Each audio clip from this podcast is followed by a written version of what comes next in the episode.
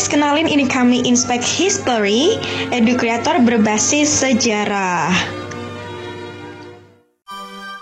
8 Januari 1918, dalam pidatonya di Kongres Amerika, Presiden Wilson menyebutkan 14 pasal sebagai syarat bagi terciptanya perdamaian dunia.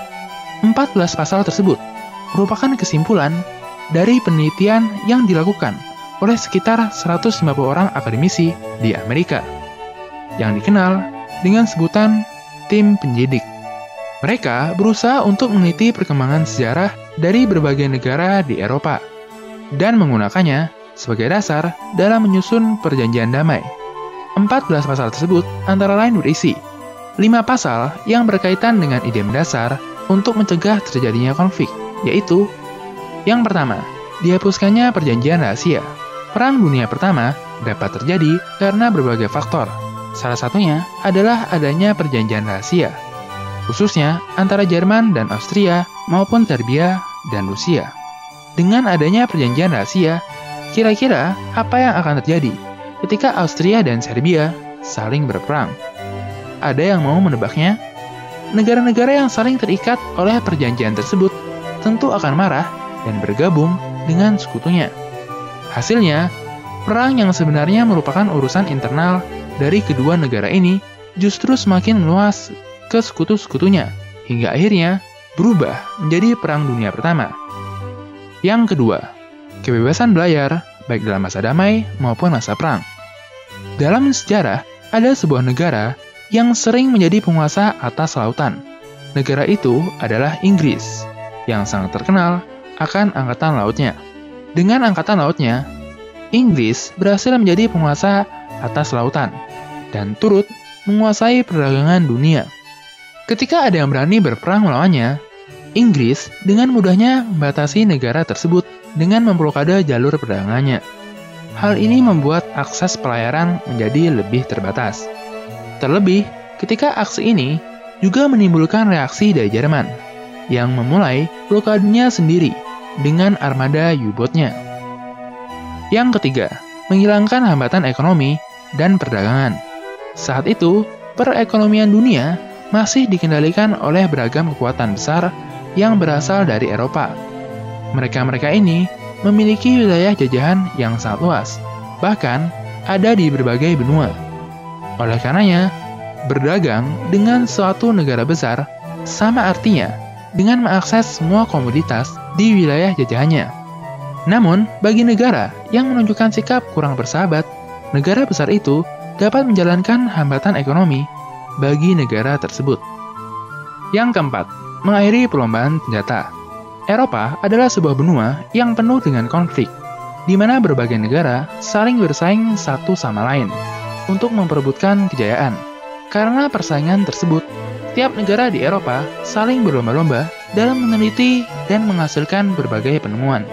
Hal ini dilakukan untuk menjaga keseimbangan kekuatan antar negara Eropa, termasuk dalam hal kekuatan militer. Oleh karenanya, perlombaan senjata ini harus segera dihentikan. Yang kelima, kebebasan dalam menentukan nasib sendiri bagi koloni atau wilayah jajahannya. Perang Dunia Pertama adalah perang yang sangat berpengaruh sepanjang sejarah ratusan tahun keberadaan dan kejayaan dari berbagai kekaisaran besar dunia harus berakhir akibat perang tersebut. Hancurnya berbagai kekaisaran besar tersebut memberikan jalan bagi munculnya berbagai negara baru di Eropa. Selain kelima pasal tersebut, masih ada delapan pasal yang berkaitan dengan wilayah. Antara lain, yang pertama, wilayah Rusia harus kosongkan dan diberikan kebebasan untuk memilih perkembangan politiknya sendiri. Sesuai dengan perjanjian Brest-Litovsk, Rusia yang sudah babak belur karena perang harus menyerahkan berbagai wilayahnya kepada negara-negara sentral. Perjanjian ini harus dibatalkan, dan Rusia diberikan kebebasan untuk memilih perkembangan politiknya sendiri, mau merubah sistem atau tetap monarki. Yang kedua, wilayah Belgia harus dikosongkan dan kedaulatan wilayahnya dijamin. Seperti yang kita tahu, dalam Perang Dunia Pertama, Kekaisaran Jerman menjalankan Sleven Plan dengan menyerang Prancis melalui Belgia. Hal ini menyebabkan mayoritas wilayah Belgia masih berada di bawah kendali Jerman. Oleh karenanya, Jerman diharuskan untuk segera mengosongkan wilayah tersebut. Yang ketiga, wilayah Prancis dikosongkan dan Alsace-Lorraine harus dikembalikan kepada Prancis. Setelah menang dalam Franco-Prussian War, negara Jerman pun terbentuk.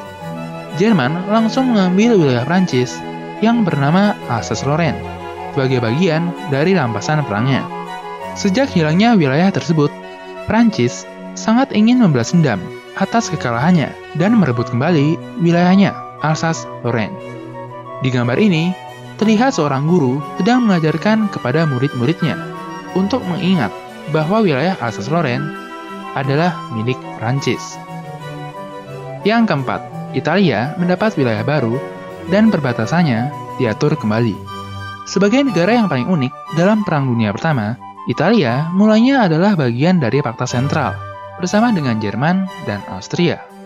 Negara baru yang menjadi tempat kelahiran dari Machiavelli ini mungkin kebanyakan baca buku Il Principe, jadinya sedikit lebih licik. Italia berusaha menunggu dan mengamati keadaan sebelum memutuskan untuk bergabung. Ia ingin bergabung dengan pihak yang lebih kuat dalam perang, sehingga kemungkinan menangnya akan lebih besar. Yang kelima, masyarakat yang tinggal di wilayah Kekaisaran Austria-Hungaria diberikan hak untuk menentukan nasibnya sendiri. Kekaisaran Austria-Hungaria merupakan kekaisaran kuno yang bersifat multikultur dan berkuasa atas berbagai etnis dan wilayah. Perang Dunia Pertama membuat kekaisaran ini harus berakhir. Ia digantikan oleh empat negara baru, yaitu Austria, Hungaria, Yugoslavia, dan Republik Ceko. Yang keenam, Romania, Serbia, dan Montenegro harus dikosongkan, dan kedaulatan wilayahnya dijamin secara internasional. Dalam Perang Dunia Pertama, akibat serangan dari kekuatan sentral, negara-negara ini berhasil dikalahkan dan wilayahnya dikuasai. Sesuai dengan 14 pasal, wilayah negara tersebut harus dikosongkan kembali oleh kekuatan sentral. Ke depannya, dengan pengecualian Romania, berbagai negara di wilayah tersebut akan bersatu dan membentuk negara baru, yaitu Yugoslavia. Yang ketujuh, masyarakat di wilayah Kesultanan Turki diberikan kebebasan dalam menentukan nasibnya sendiri, baik yang merupakan etnis Turki maupun etnis yang lain. Kesultanan Turki merupakan kerajaan yang pernah mencapai kejayaan dan mendominasi berbagai negara Eropa, khususnya di daerah Balkan. Sekalipun demikian, akibat Perang Dunia Pertama, Kesultanan Turki yang berada di pihak yang kalah harus berakhir. Setelah kesultanan itu hancur, wilayah Turki terpecah menjadi banyak negara, seperti Turki modern, Armenia, negara-negara Arab, dan sebagainya. Yang kedelapan, Polandia dinyatakan merdeka dan diberikan wilayah sesuai dengan persebaran etnisnya. Polandia juga diberikan akses ke laut. Pada abad pertengahan, Polandia dikenal sebagai salah satu negara adidaya Sekalipun demikian, karena berbagai masalah, Polandia yang semakin tertinggal akhirnya terbagi-bagi di antara ketiga negara ini. Pada pembagiannya yang ketiga, Polandia sebagai negara resmi berakhir, di mana wilayah sisanya diserap oleh ketiga negara tersebut. Setelah berakhirnya Perang Dunia Pertama, Polandia sebagai negara resmi dinyatakan merdeka. Dan yang terakhir adalah satu pasal yang bertujuan untuk mendirikan organisasi bangsa-bangsa Wilson ingin mendirikan organisasi bangsa-bangsa yang bertujuan untuk saling mengakui dan menjamin kemerdekaan politik baik bagi negara besar maupun negara kecil.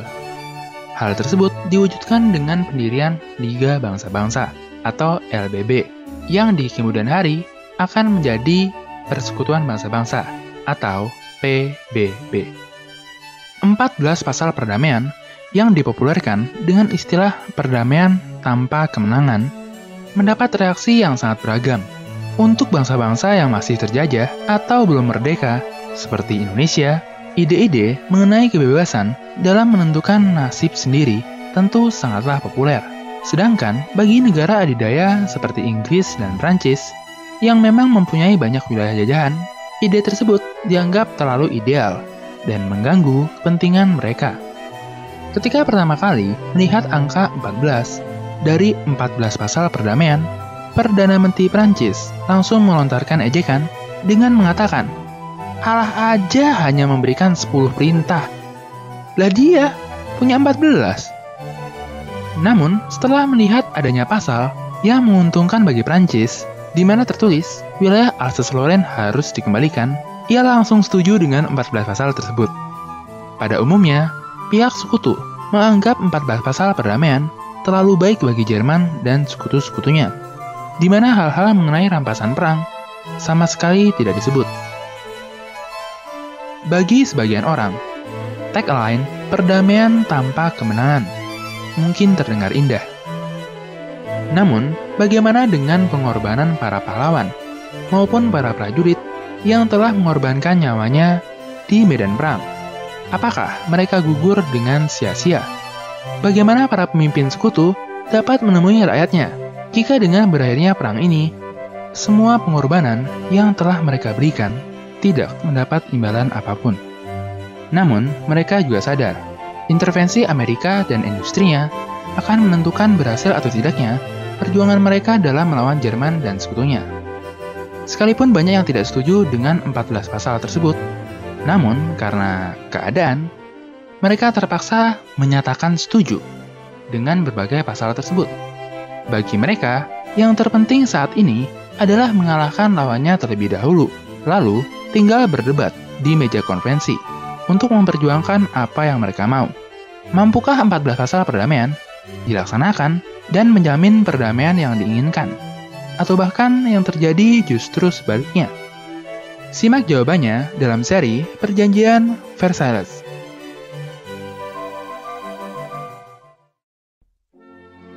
Hai, bantu kami dalam memproduksi lebih banyak konten sejarah dengan mengklik tombol subscribe dan jangan ragu untuk memberikan saran, komentar, atau pertanyaan.